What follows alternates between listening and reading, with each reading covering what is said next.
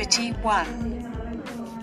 To describe a person, you need to know the names of body parts.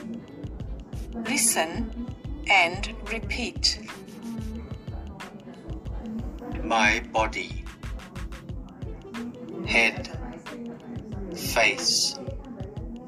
Neck. Shoulder. Arm. Elbow wrist, hand,